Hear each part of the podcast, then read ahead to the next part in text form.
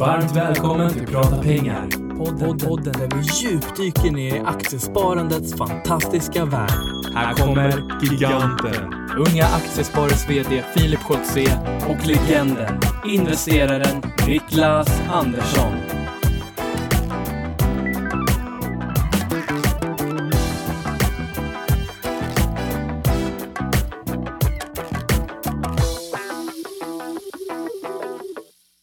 Då säger vi varmt välkomna till podden Prata pengar. Det är äntligen måndag och äntligen avsnitt 47, eller hur Niklas? Ja, tiden går fort.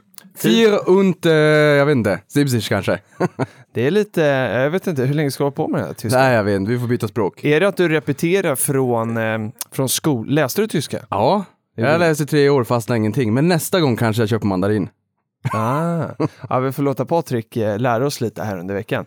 Du, eh, Patrik sa att det här kanske blir den mest, eh, eller närmast livepodden vi någonsin kommer. Det är igen måndag morgon. Vi skulle ju spelat in i fredags, men, eh, men då eh, blev Patrik lite, lite sjuk där på morgonen och vi fick skjuta det till idag. Så då insåg vi att vi är ganska sårbara här, eller hur? Ja, och jag säger som man säger i bankvärlden, ba- tid är pengar. Och det där är ju lite grann som en Black Swan också, en blixt från klar himmel. Eh, när vi står här utanför, ska köra igång och så Patrik börjar må lite dåligt, man tänker vinterkräksjukan, hoppsan.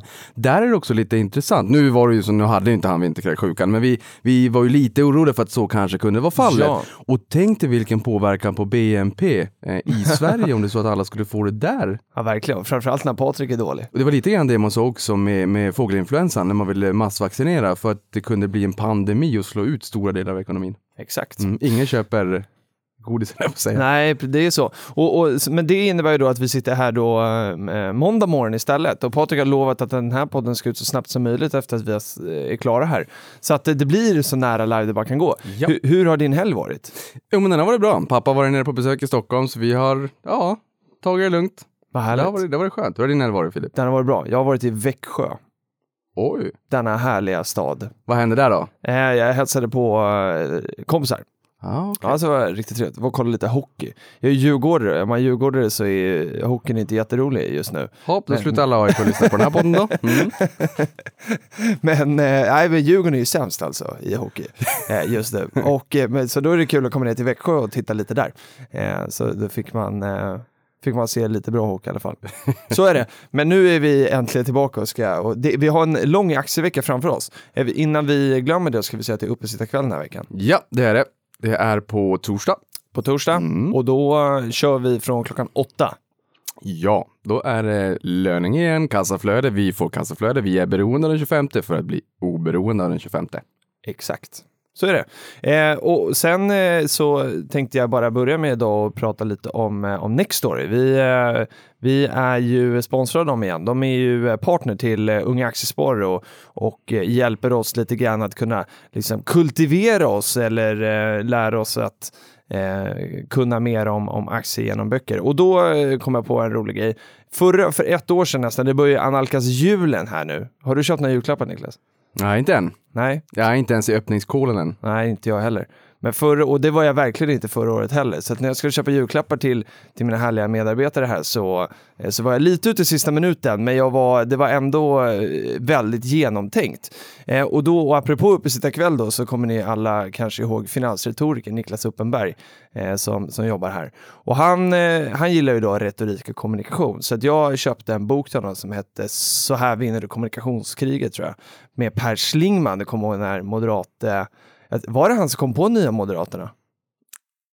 Nej, du, okej, du kan inte svara på det här. Jag vet inte riktigt. Ja, men så var det i alla fall. Och då köpte jag den här boken till honom. Eh, och, eh, och han blev jätteglad för det. Och så frågade jag honom nu i fredags. Har du läst den där boken? Och då sa han nej, det har jag inte gjort. Eller aha, det var lite så svävande svar. Det var lite så här, eh, ja, lite, jag har inte läst ut den. Så. Eh, och och, det, och jag vill inte sätta honom på pottan, utan snarare så, så såg jag då att på Nextory så finns ju den här boken. och Jag skulle jättegärna vilja lyssna på den själv. Så då tänkte jag sådär, att ja, men då kan Niklas faktiskt eh, eh, använda Nextory nu. Och, för vi har ju en, en liten Prata pengar-kampanj tillsammans med dem Eh, där man får lyssna i eh, 21 dagar kostnadsfritt. Så att jag nu, det här blir en ny present till Niklas då att så här, nu när du inte har läst den fysiska boken. Gå in eh, på, på nextstory.se kampanjkod. Skriv in prata pengar så får du lyssna på den här boken. Då har du 21 dagar på dig. Det var väl ett bra tips? Ja, Ja. in och kultivera dig. Ja, men det är inte fel. Och det här kommunikationskrig är intressant, för jag, läste, jag passade på lite att läsa vad den här boken handlade om. Och Per Schlingman eh, menar att vinnaren i eh, kampen om uppmärksamhet är den som, som etablerar historier. Och då tänkte jag att då måste du och jag börja lära oss lite historier. Tror du inte det? Ja, därför det brukar man säga, barn gör inte som du säger, eller barn, jo, barn gör inte som du säger, barn gör som du gör, en gammal tobaksreklam. Och det är samma sak i marknaden också. Man lär sig inte av historien utan man vill oftast göra samma misstag själv, vilket innebär att även på den finansiella marknaden brukar man kunna se återkommande mönster. Inte när det kommer till kriser, de är inte exakt likadana, Nej. men ungefär, de har samma karaktärsdrag med ett antal år emellan, kanske något årtionde emellan, just för, eller några årtionden emellan i alla fall, just för att varje generation behöver göra sina egna misstag. Och det där är ganska intressant, så vi har väldigt mycket att lära av historien, men oftast så gör vi ju inte det. Jag brukar säga att tid är pengar, men i det här fallet så är ju kunskap pengar. Det Ja, sa man redan visst. 1987 när jag föddes, när Wall Street hängde, postersna hängde utanför biosalongerna, den här Oliver Stone-filmen. Då sa Gordon Gecko, the best commodity that I know of is information. Så redan för 30 år sedan, nästan för 30 år sedan, det där är väldigt viktigt, för jag är född 87 och jag fyller 30, men det är nästa år.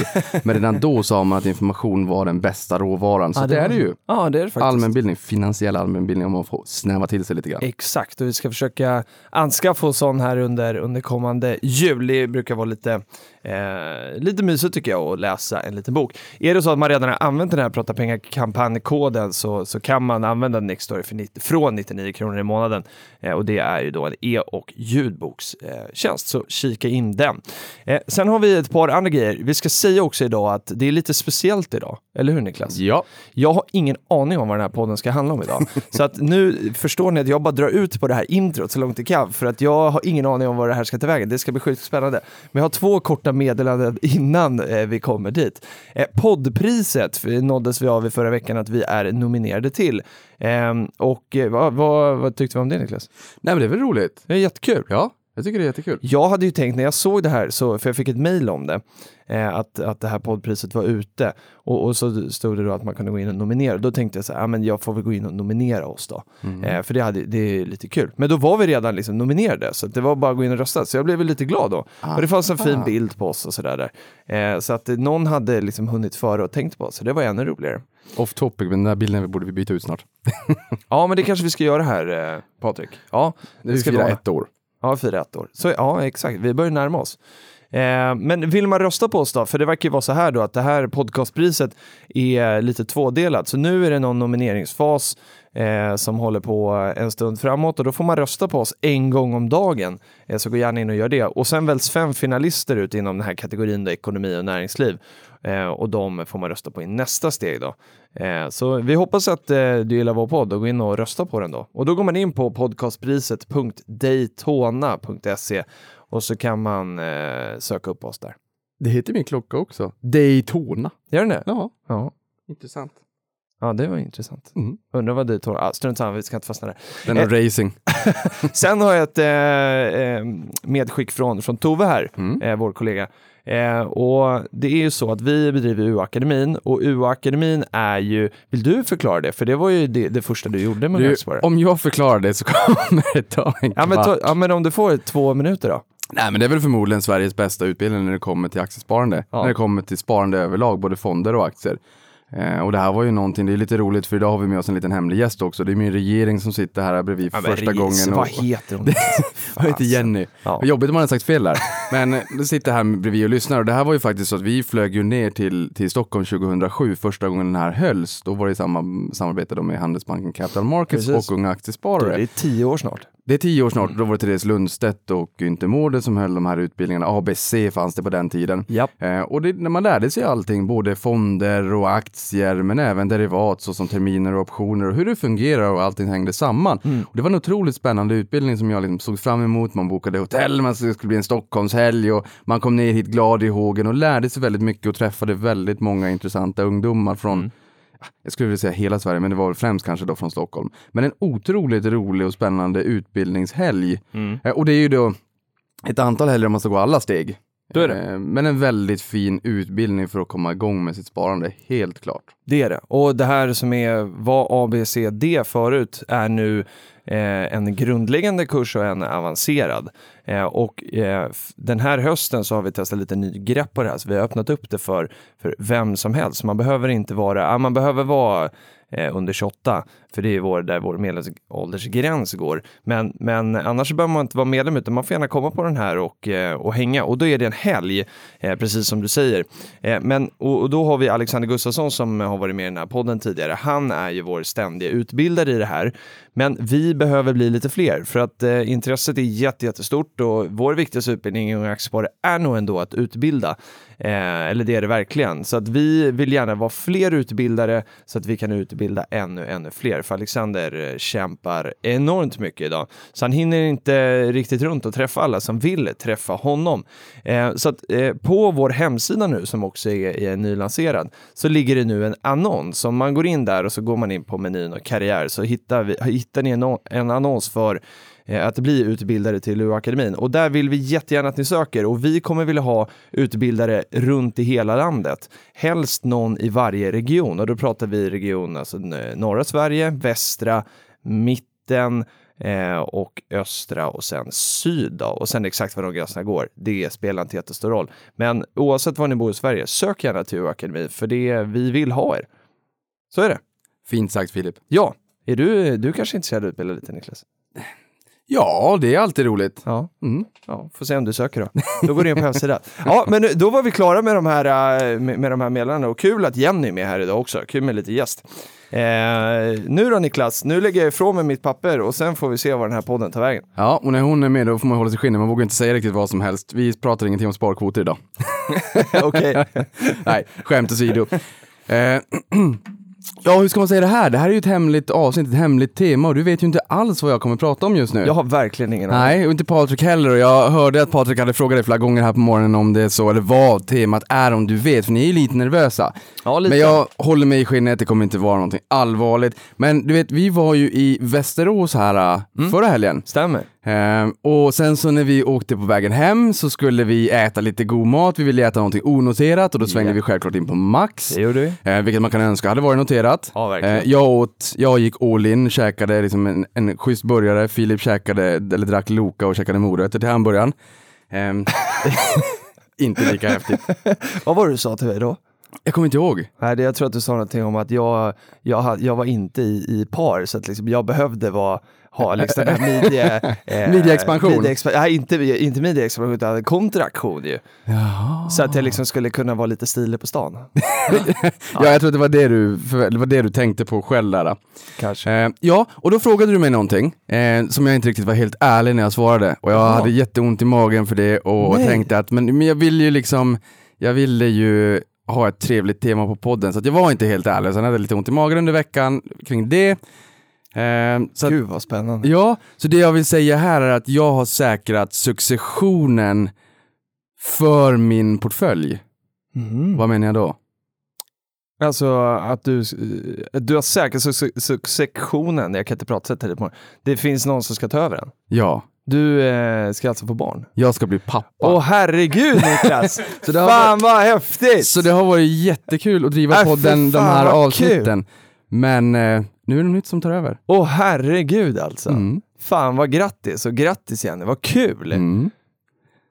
Då kan man ju nästan ana vad vi ska prata med dem.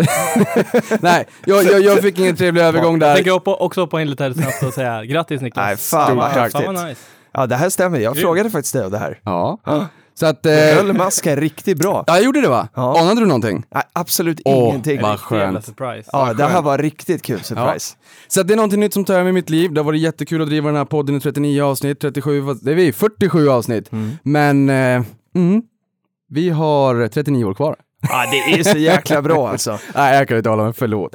Så te- temat för det här avsnittet är ju såklart barnsparande. Nej, vad roligt. Eh, nu är det ju liksom, vi har ju passerat öppningskolen, nu Ja, är det någonstans förädlingsprocessen och sen så kommer det väl en utdelningssäsong då. Exakt. Och det är väl då det börjar vara dags och då man kickar igång sparandet. Men jag kan inte hålla mig, jag vill prata barnsparande. Får man fråga när utdelningen kommer då? Det får man absolut göra och det finns ju självklart en finansiell koppling. Ja, det gör det. Lyssna på det här Filip. Eh, jag fick veta om det här alltså den 15 september. Vad, vad är det för datum? Eh, ja, nu. Mm, det var årsdagen för Lehman Brothers kollaps, ja, åtta år det. Ja, senare. ja, ja, exakt. Sen kommer eh, utdelningen kommer i slutet på utdelningsperioden, det vill säga i maj. Mm. Och sen så var det något sånt där ytterst, eh, vad ska man säga, spännande. Eh, när, när man får barn så ska man gå på något kubbtest för att se om, om barnet är sjukt. Mm. Eh, kubbtest kallas det för. Eh, och det gjorde jag. Och det gjorde jag på dagen för Trump-valet. Eh, och Nej, det var en kul. väldigt spännande marknad. Och då är det sådär, att då går man dit, man, man mäter barnet och kollar om det är sjukdomar och hittar dit och det tar en stund och man pratar med barnmorskan, man får se ultraljud, man får se barnet hoppa, det var gymnastik i magen. Och jag kände liksom att, ja men nu har jag tittat på det här ett tag, nu kommer folk tycka att jag är knäpp, men, men det vet de redan att jag är. Nej, du tyckte jag. Men- Men det hoppade runt och sådär och jag hade tittat på det där väldigt, väldigt länge och tyckte att jättegulligt, jag, jag inte så. Men vad gör jag? Jag filar upp telefonen i fickan, jag ser att eh, nå- jag har skrivit lite grann om amerikansk läkemedelssektor som fick en, en sving upp. Och På Trump-dagen likaså Skanska förvisso. Jajamän. Och sen hade Nordea svarat någonting. Och sen så vill jag svara tillbaka, har ni gjort en analys av det här? Var barnmors varpå barnmorskan borrar in blicken i mig och säger Du, du vill inte missa här, ner med telefonen. och jag, det var en minut av typ 45 minuter jag bara ville kolla vad som hände på marknaden, men det fick jag inte. Nej. Ja, så lite finansiell koppling och som sagt i slutet på utdelningsperioden. Och därav temat idag då, barnsparande. För det vet jag har Just det. varit lite önskemål också från våra har lyssnare. Framförallt har du tjatat mig om att vi måste prata om det här. Ja, Och det var ju till slut fick du tvinga det. ja.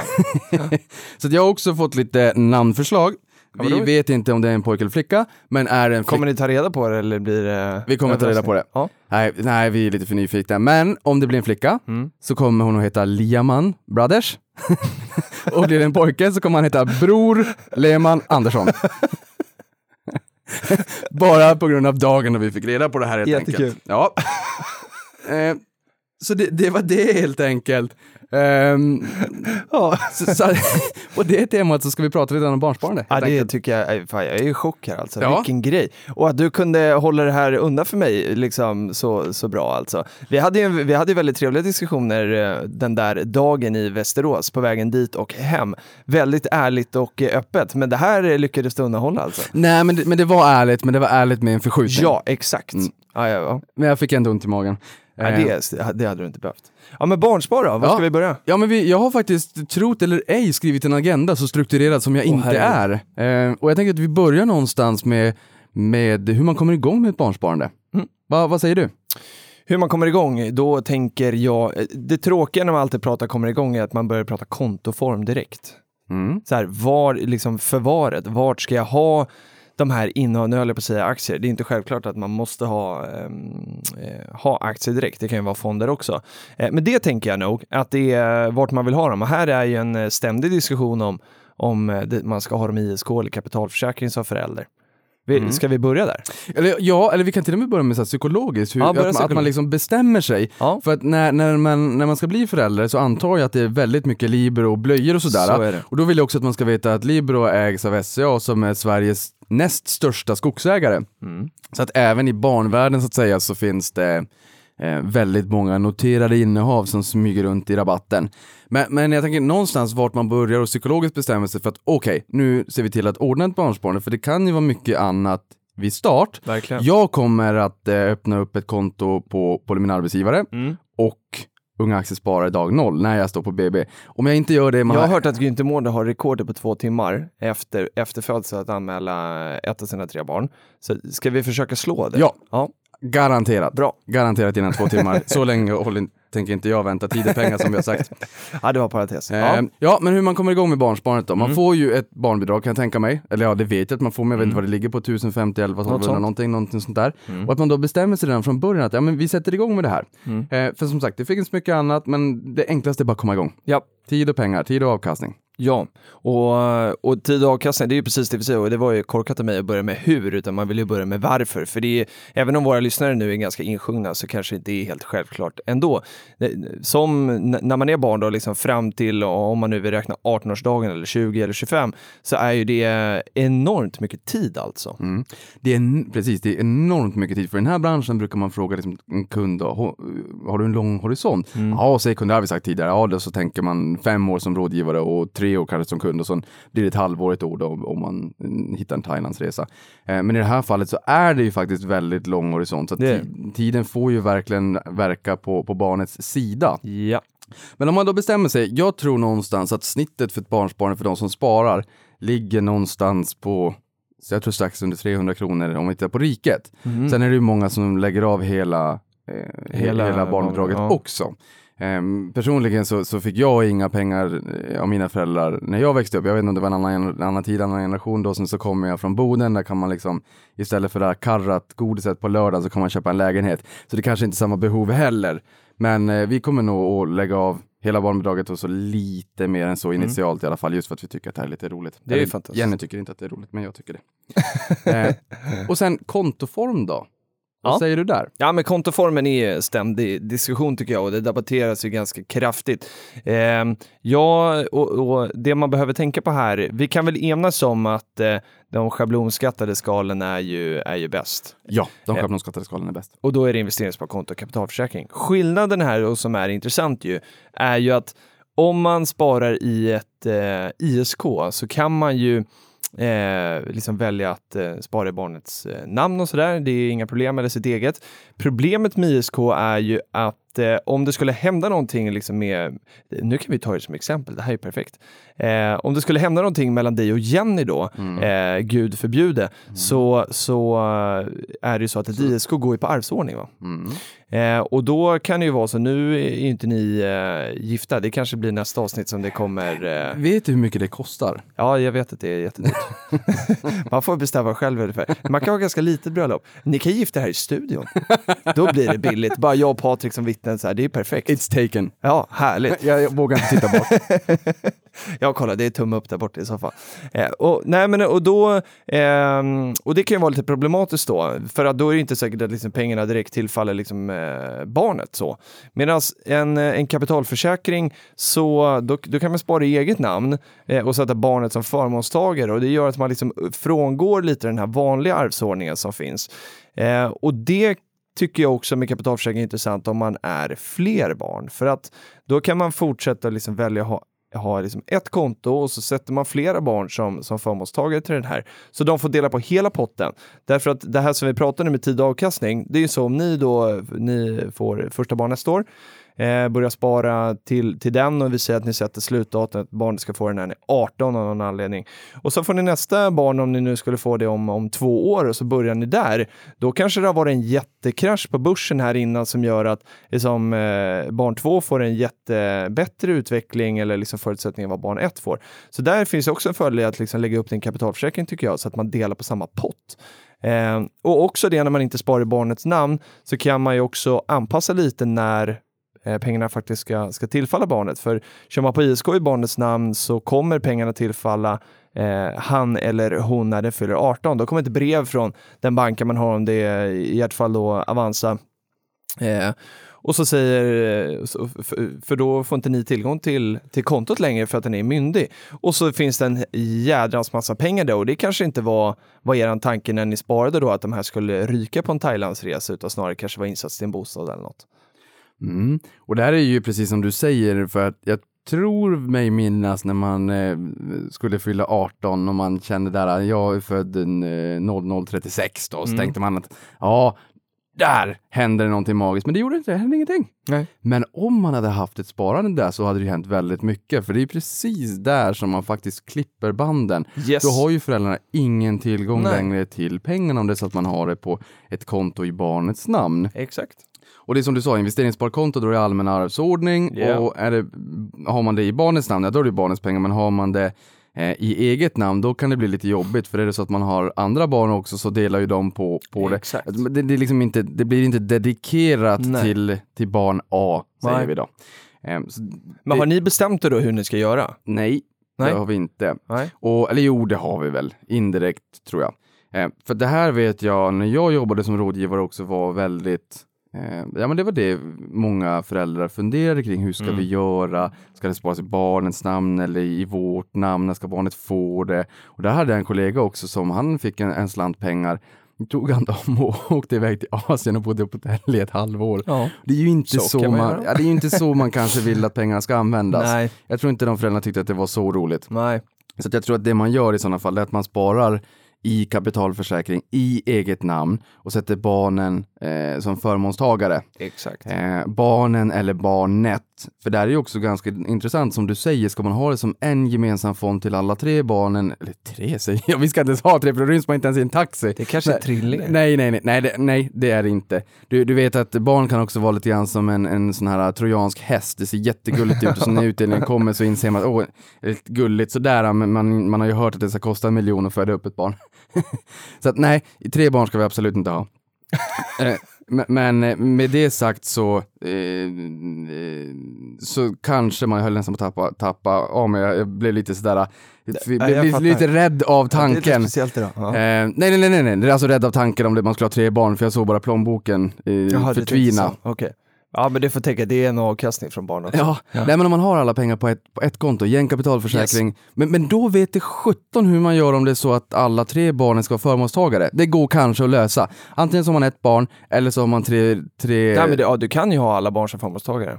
Ja, det borde man kunna ha Ja, va? det kan, ja, du kan ha det. Ja, bra. Ja, För- så för- det är inga problem. För det känns ju som den mest, mest rättvisa Yes. modellen helt För enkelt. då kan man styra det där lite grann och också, jag tror att vi har varit inne och snuddat på det någon gång också, att eh, då, då blir det här nästan som om man tittar på amerikanska college-serier, det här som heter Trust Fund. Eh, det låter ju väldigt eh, fint och sådär. Men, men eh, då blir det nästan så att då kan man ju som förälder styra liksom hur mycket pengar som ska tas ut och det är ju inte säkert att man på eh, en dag vill bestämma sig att ja, nu ska du få din tredjedel eller hälften av den här kapitalförsäkringen utan man kanske vill betala lite i omgångar. Det kanske är så att barnet ska åka på en resa till Thailand och så man, vill man sponsra med, med, med lite grann därifrån eller man ska börja plugga eller ha kontantinsats och sådär. Så, att, eh, så, så flexibiliteten blir väldigt, väldigt stor och liksom barnen får dela på hela den här potten istället för att ha varsin. Eh, för att jag tror, skulle man börja titta på eh, bakåt, om du skulle jämföra med, med dina syskon till exempel och att dina föräldrar skulle ha sparat eh, samma summa från den dagen ni föddes och, och, och till er 18-årsdag så skulle ju slutresultatet vara väldigt, väldigt olika. Ja. Och då är det inte helt rättvist. Nej. Nej, för säg någon som kanske börjar spara 95, 96 Mm. någonting. Ehm, och sen så går det upp jättemycket IT-boomen som kraschar. Nej, Ja. jo. Jo. Så, nej, men säg att de börjar spara 98, 99 blir lite roligare. Ja, okej. Och sen får man det här jättefallet och sen så nästa barn kanske man börjar spara 2001. 2001, Ja. 2002 där Mm. det, var, det bottnade ur eller kan, varför inte slutet på 2008 början på Precis. 2009. Ja. Och det är klart, då blir det ju orättvist. Och då är det bättre att ha det i en och samma tycker jag. Ja.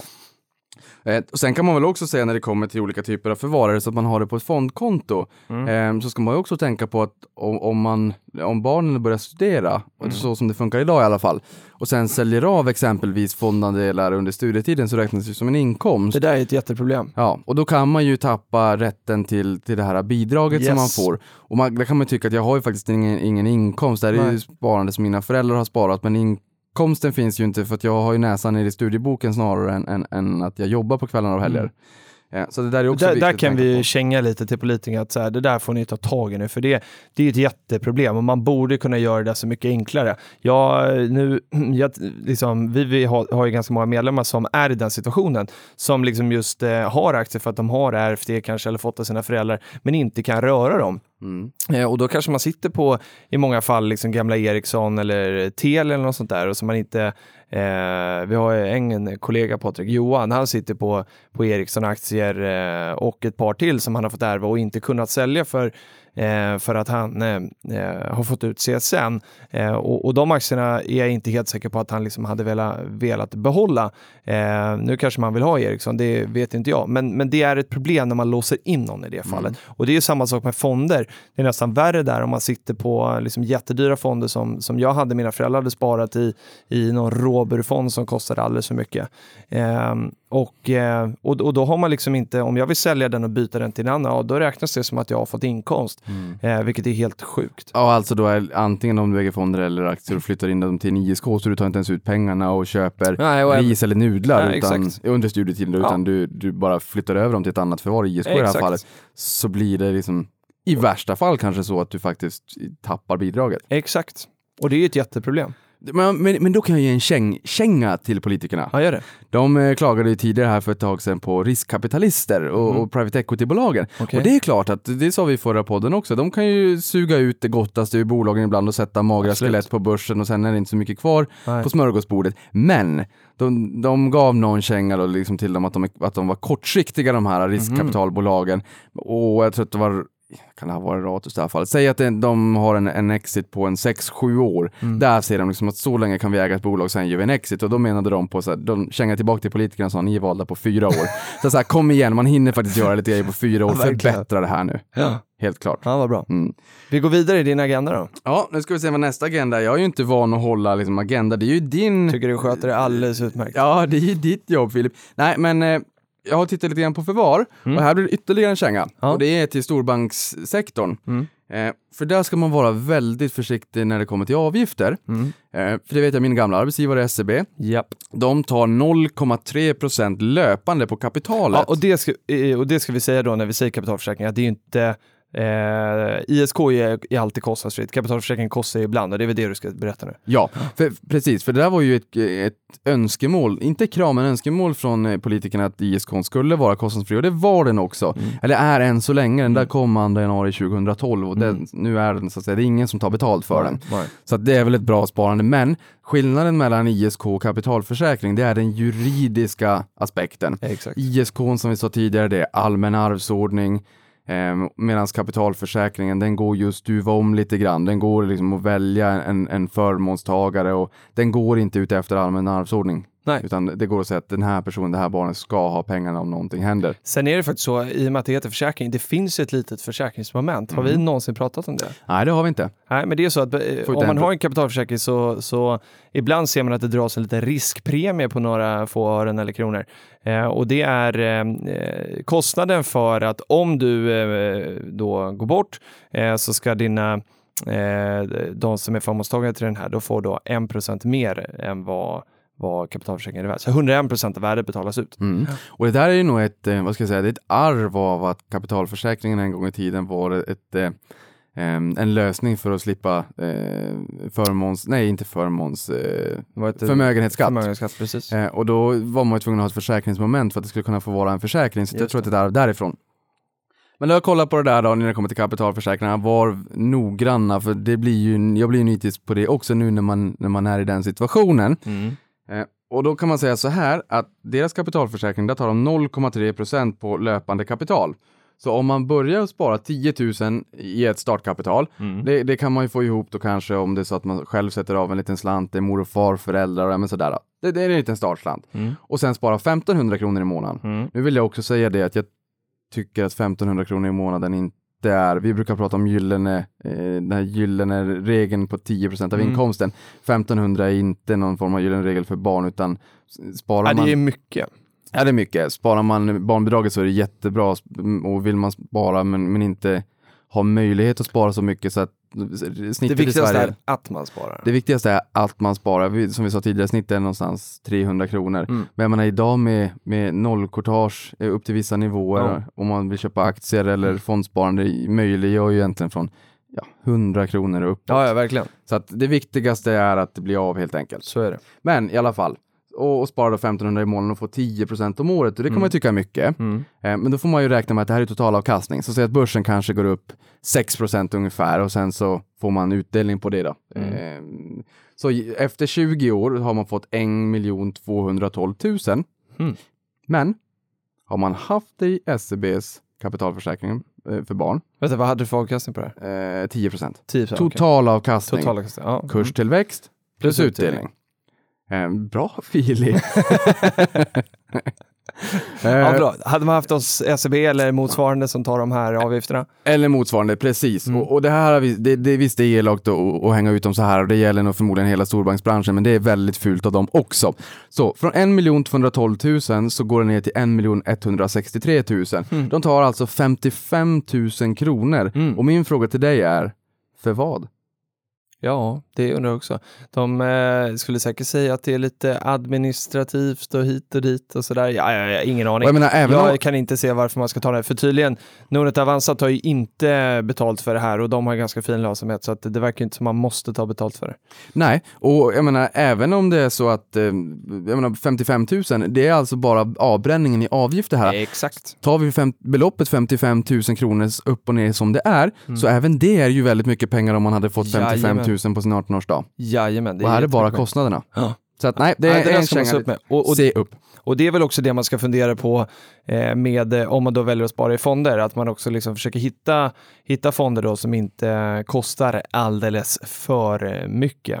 Ja, för där fick man inte köpa aktier heller, utan det var fonder och då hade de snävat in det. Så det Jaha. var 0,4 till 2,5 procent i avgifter. Det vill säga, du bränner bort 65 till 352 000 kronor till beroende på vilka fonder du väljer då. Sen ska man ju också lägga en disclaimer här, det kan vara att fonderna är jättebra, det har vi ju ingen aning om. Nej, så kan det vara. Mm. Så kan det vara. Eh, och som sagt, i eget namn eller i, i- kapitalförsäkring eller i föräldrarnas namn, det har vi redan pratat om. Men Mm. det, det får man göra så som man tycker att det känns bäst helt enkelt. Exakt. Men hur, hur mycket risk vågar man ta? Och vad ska man spara då? Ja, men alltså jag, när jag sparar till barnen och eh, man har den här eh, långa horisonten så, så jag hade absolut sparat i, eh, i 100% aktier och då när jag säger 100% aktier eh, så, så kan det vara att man köper enskilda aktier eller att man köper aktiefonder. Det här har jag förstått, det är inte helt självklart. Man tror att aktier och fonder är eh, olika saker, men det behöver det då inte vara. Jag hade haft 100% aktier.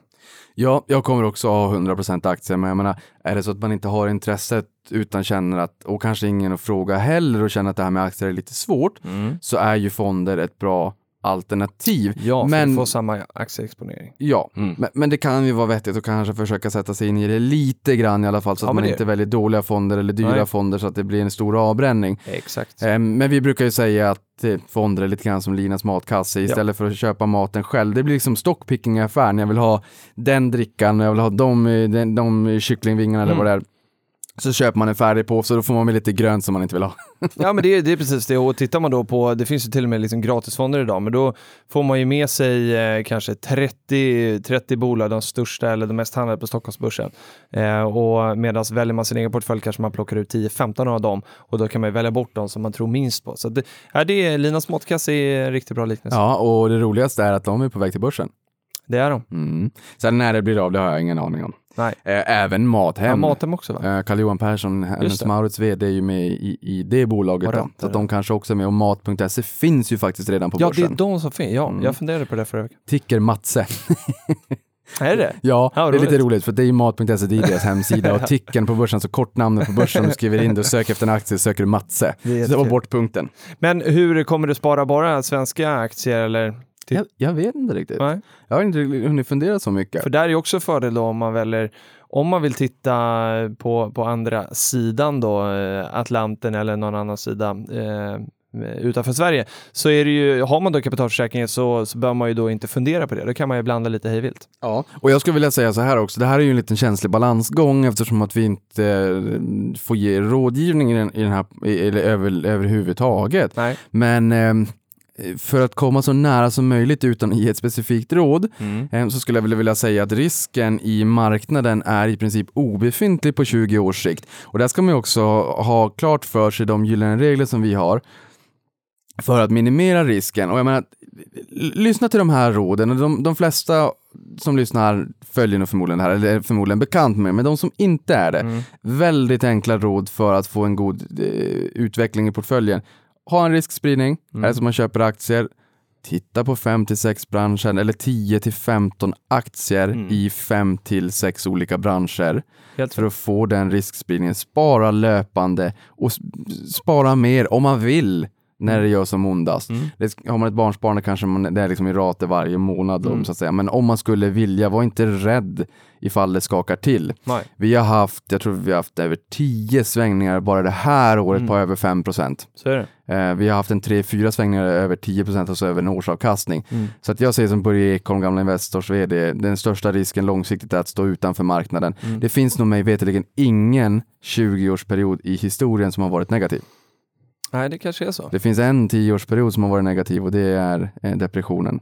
Just det. 20-30-talet där. Just det. Mm. Ja men så är det. Och, och någonstans är det väl så att liksom, ska man fundera på risken där så över så lång tid också, eh, även om vi inte kan gar- garantera någonting, men skulle det vara så att, eh, att alla de här bolagen då, om vi säger då att man ska köpa indexet, man köper hela Stockholmsbörsen, eh, att det har gått så pass dåligt, då har vi nästan större problem i den här världen än att min portfölj inte har gått bra. Ja, jag säger så här. Det är, jag skulle vilja, liksom, det är i princip helt omöjligt att en väldiversifierad portfölj med flera olika innehav och en god riskspridning ska gå minus på 20 år.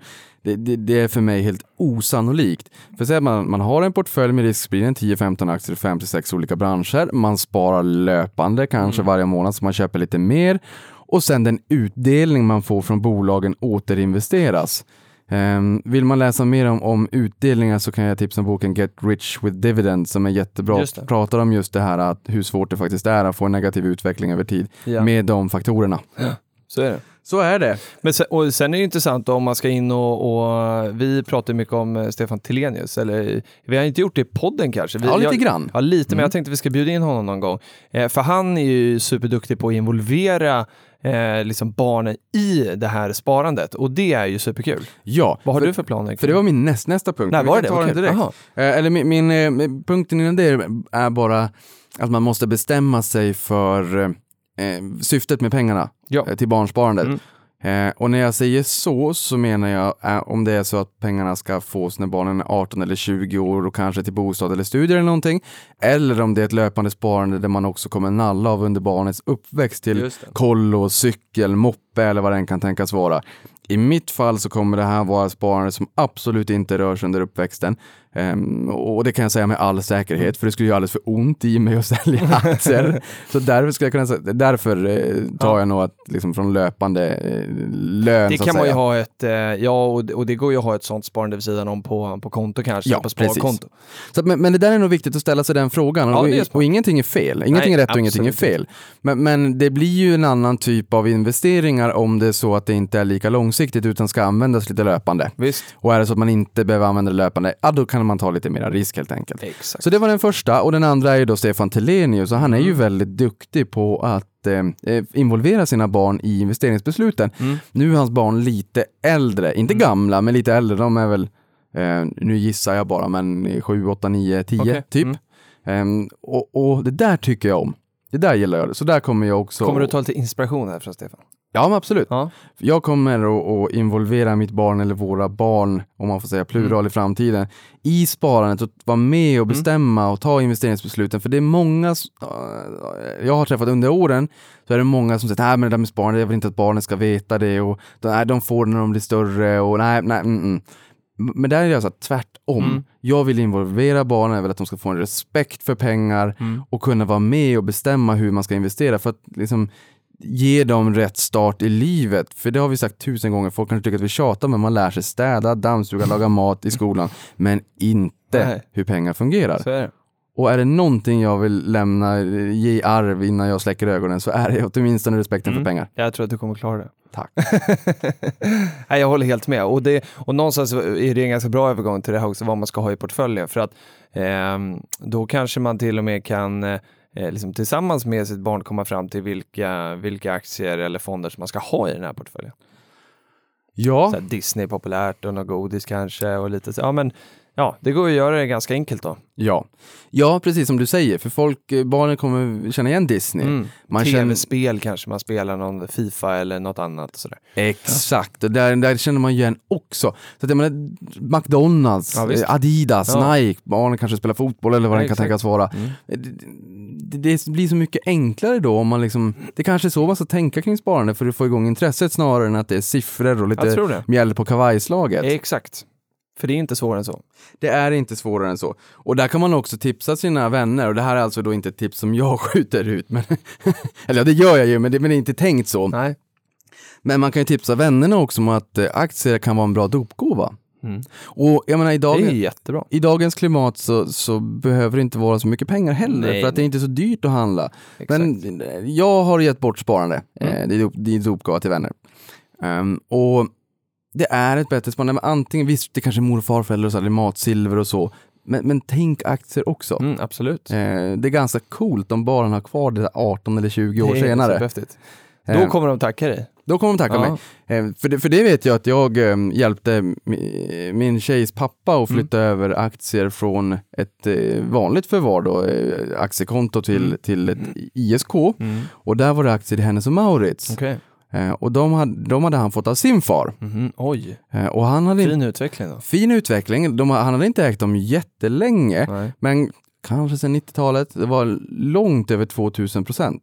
Åh herregud. Och det är faktiskt väldigt lite om man tar hennes Mauritz som Ja, okej exempel. då. Mm. För att 10 000 som jag brukar säga 1978 vart 26 miljoner sommaren 13, backar bort Men till ändå. 74, IPOn, Mm. börsintroduktionen var 50 miljoner, men ändå. Mm. Så det är kul också att när man kanske möter det här barnet eh, när, när det är vuxet i i början på vuxenlivet och se vad, vad den där utvecklingen har varit. Så är det verkligen. Mm.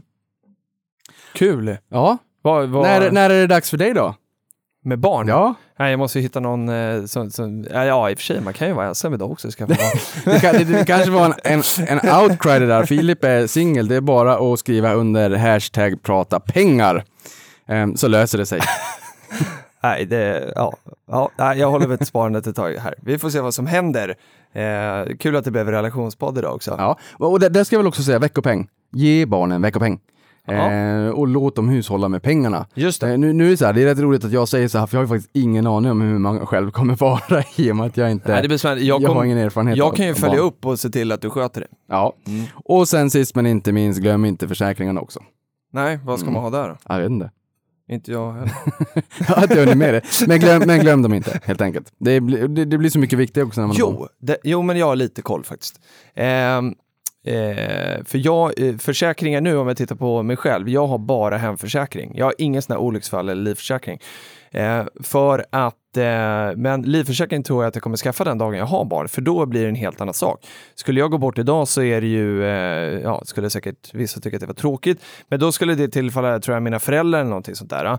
Eh, och, eh, och, och jag vet inte om de eh, liksom behöver de pengarna så. Eh, Medan om man har barn så har man liksom eh, försörjningsplikt på ett annat sätt.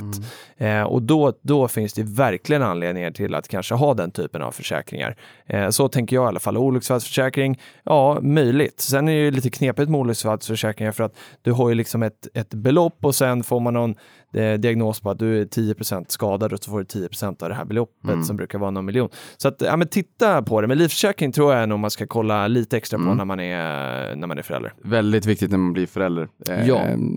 Verkligen. Ja, det skulle vara jättetråkigt om du gick bort. Sen, men sen, sen kan det vara så här att eh, även om man inte har någon efterlevande, det, det är ju lite torftigt om man skulle teckna en försäkring på flera miljoner och säga Ja, ja, stekigt, jag ska starta en stiftelse så att folk kommer ihåg mig och säger jädrans vad rik han var, eller hon var. Men, men, men bara det att man tecknar en livförsäkring eh, för att bli ihågkommen i den här stiftelsen som ger ut en slant varje år. Ja, Nej. det skulle jag undra om det ens går. Det kanske gör det. ja, men alltså vilken jäkla dag. Vilken superrolig start på veckan Niklas. Ja, Det här är ju fantastiskt. Det, vi kanske nästan får droppa det här en gång till i Uppesittarkväll. Ja, och sist men inte minst vill jag också säga att de föräldrarna, när man kommer till banken, fixar korsvis fullmakter också. För att Ja. eh, det, det var det väldigt många som gjorde, vet jag när jag jobbade på bank, just att som förälder, tid är en bristvara. Och det det betyder är att då kan man logga in på sitt eget konto och se barnet. Sådär. Ja, Ja. och går man till banken, då behöver ju båda föräldrarna vara där. Men har man gett varandra korsvis fullmakt så kan man sig, ta ut pengar eller, eller eh, liksom sköta barnets löpande ärenden. Nu är det Just kanske inte jättemycket ärenden, men, men man behöver inte vara båda två i alla fall. För det kan vara svårt att få tiden att gå ihop och samlas båda två. Helt Just enkelt. så är det. Ja men vad roligt du. Ja. Du, jo, en grej som man måste berätta också. Mm. Vi spelade ju finans med innebandy i fredags. Mm. Jag var riktigt mör i kroppen i helgen ska jag säga. Jag tror du skulle säga var riktigt bra. Det är upp till andra att recensera.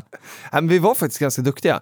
Eh, Vi hade ju, eh, Patrik blev ju, blev ju dålig där, så att vår klippa till eh, back var ju inte med. Men vi, vi spelade gruppspel då och fick stryk i första matchen mot, mot Nordea, stryk i andra matchen mot Skandia. Sen vann vi tredje matchen mot Dometic.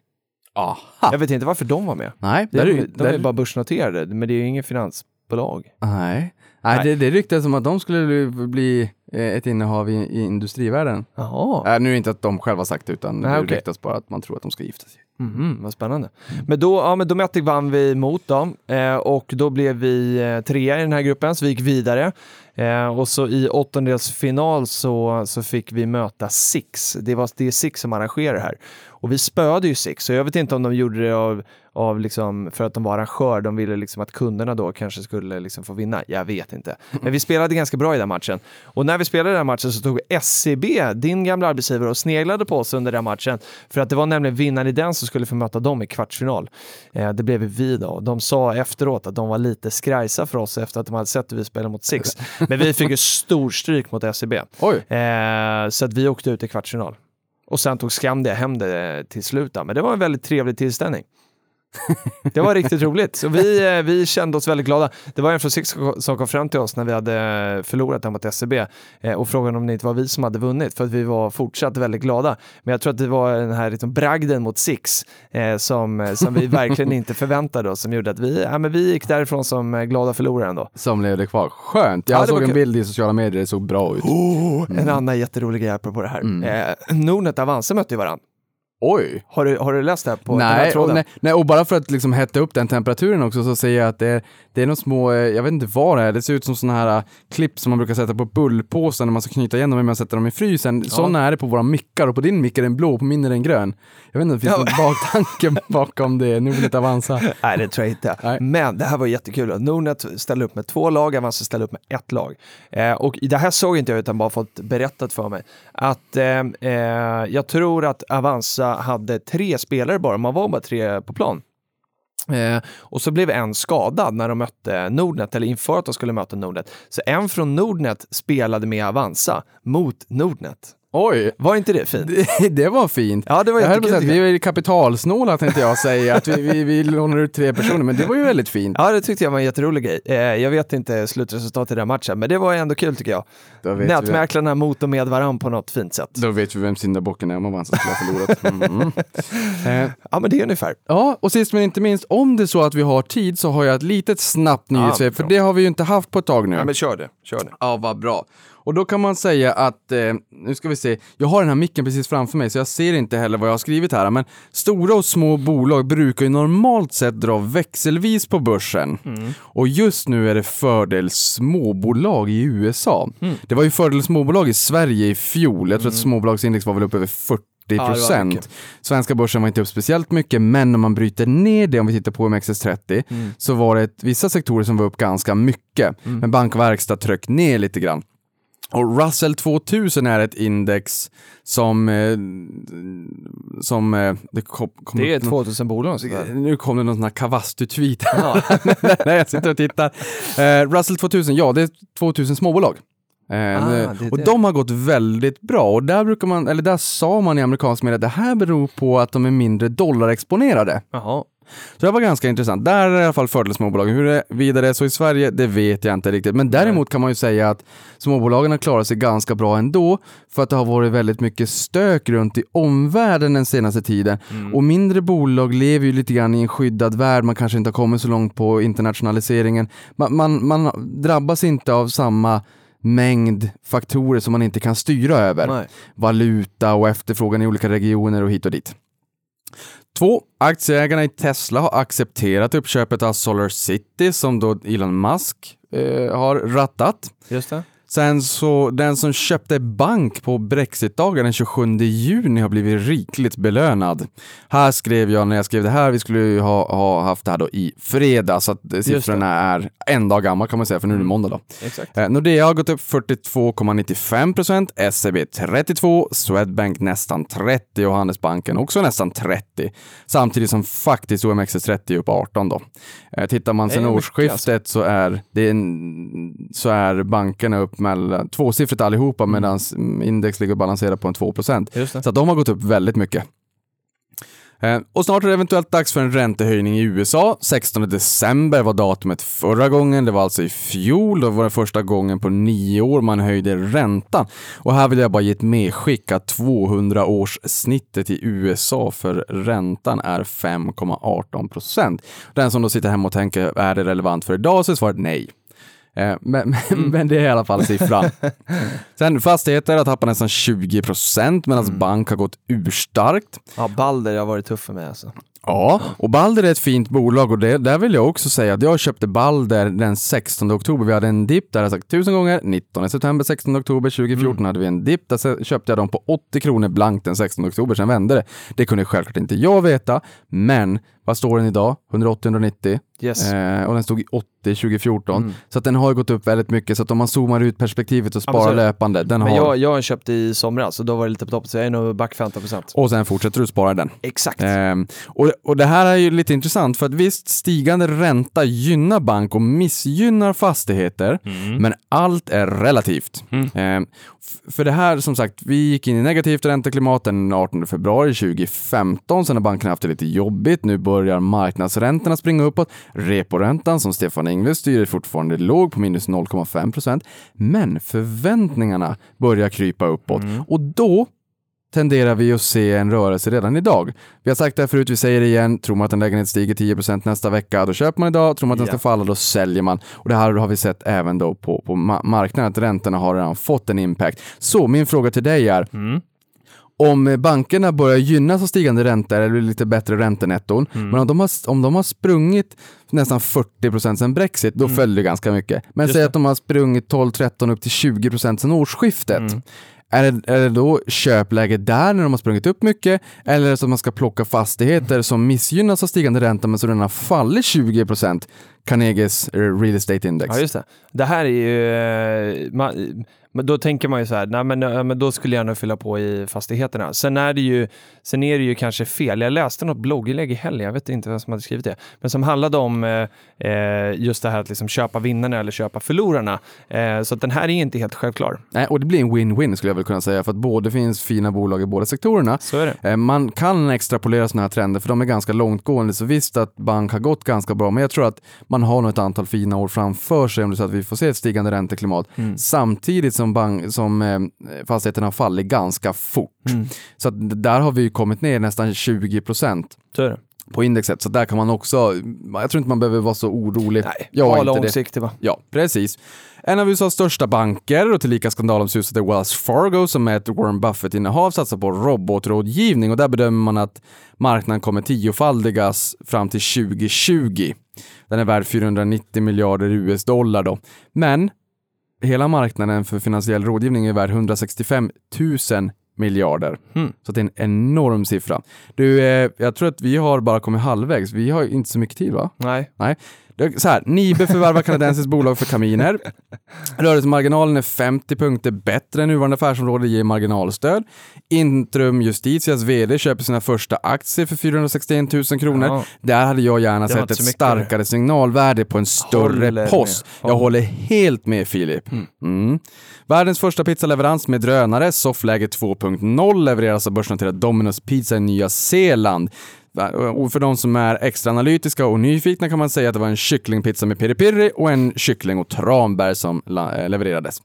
Snapchat närmar sig en notering och rykten vittnar om att värderingen kan bli uppemot 2 Ericsson. Oj. It's a new economy. De var värda 1800 miljarder år 2000. Ericsson alltså är det nya tider. Alan Greenspan ska ha sagt it's a new economy innan det kraschade 2000. Jag säger samma sak nu. Riksbanken överväger att införa en e-krona, en ny digital valuta. Interim Justitia som vi pratade om där går ihop med Lindorff och skapar en stor inkassojätte. Warren Buffett har köpt in sig ett antal flygbolag. Där har man tidigare sagt att eh, den, den, ja, flygbolag ska man helt enkelt inte äga. Där kan man bli eh, väldigt fattig. Sen är det frågan här om det är han som har investerat eller om hans två adepter. Mm. Eh, och sist men inte minst, den förra inspelningen har kopparpriset haft sin vä- bästa vecka någonsin. Och lite roligt här för det är sedan 1986, så det är inte någonsin, men det är då det började mätas. Den gick upp 20% på en vecka. Vad roligt. Mm. Och eh, vi ska bara eh, snabbt säga om Intrum här. eh, Det är ju jättemycket pengar såklart för, för, en, för dig och mig att köpa så mycket Intrum-aktier för en vd. Varför vi säger att det inte är så mycket är ju för att relativt det man tjänar kanske som vd på Intrum så är inte det jättemycket pengar. Det där är jättebra, jättebra poäng. Det där är så att det inte sticker i ögonen på Nej. folk. Det, det är inte så vi menar att 461 000 är lite pengar, Mm, absolut verkligen inte. inte. Men allt är relativt och som vd på ett börsnoterat bolag så måste man visa att man tror på bolaget. Ja. För att om jag säger så här, den här tiden som jag tar nu har vi egentligen inte, men skulle du, om, om man åker flygplan, Mm. vad känns bäst? Att eh, man sitter i ett flygplan med en trevlig pilot där han eller hon hälsa välkomna och säga att det kommer inte vara speciellt turbulens, vi kom, eh, turbulent, vi kommer att landa den här tiden och jag hoppas att ni har, kommer få en trevlig resa. Skulle du vilja ha den?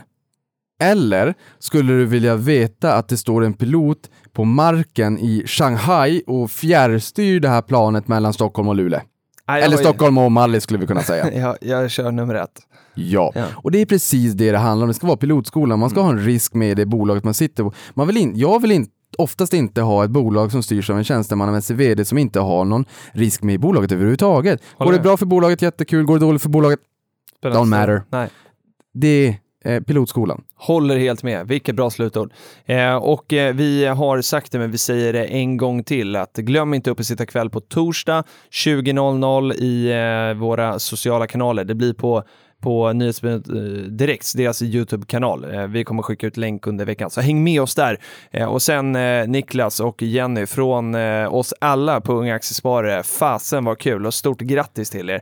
Ni ska få varma kramar här när vi är klara här nu. Fasen vad kul det här var. Tackar, då har vi garanterat det åtminstone den första nya medlemmen 2017. Ja, det har vi verkligen gjort. Bra jobbat! Vi säger så då. Tack så. Patrik, ha det gott! Hej!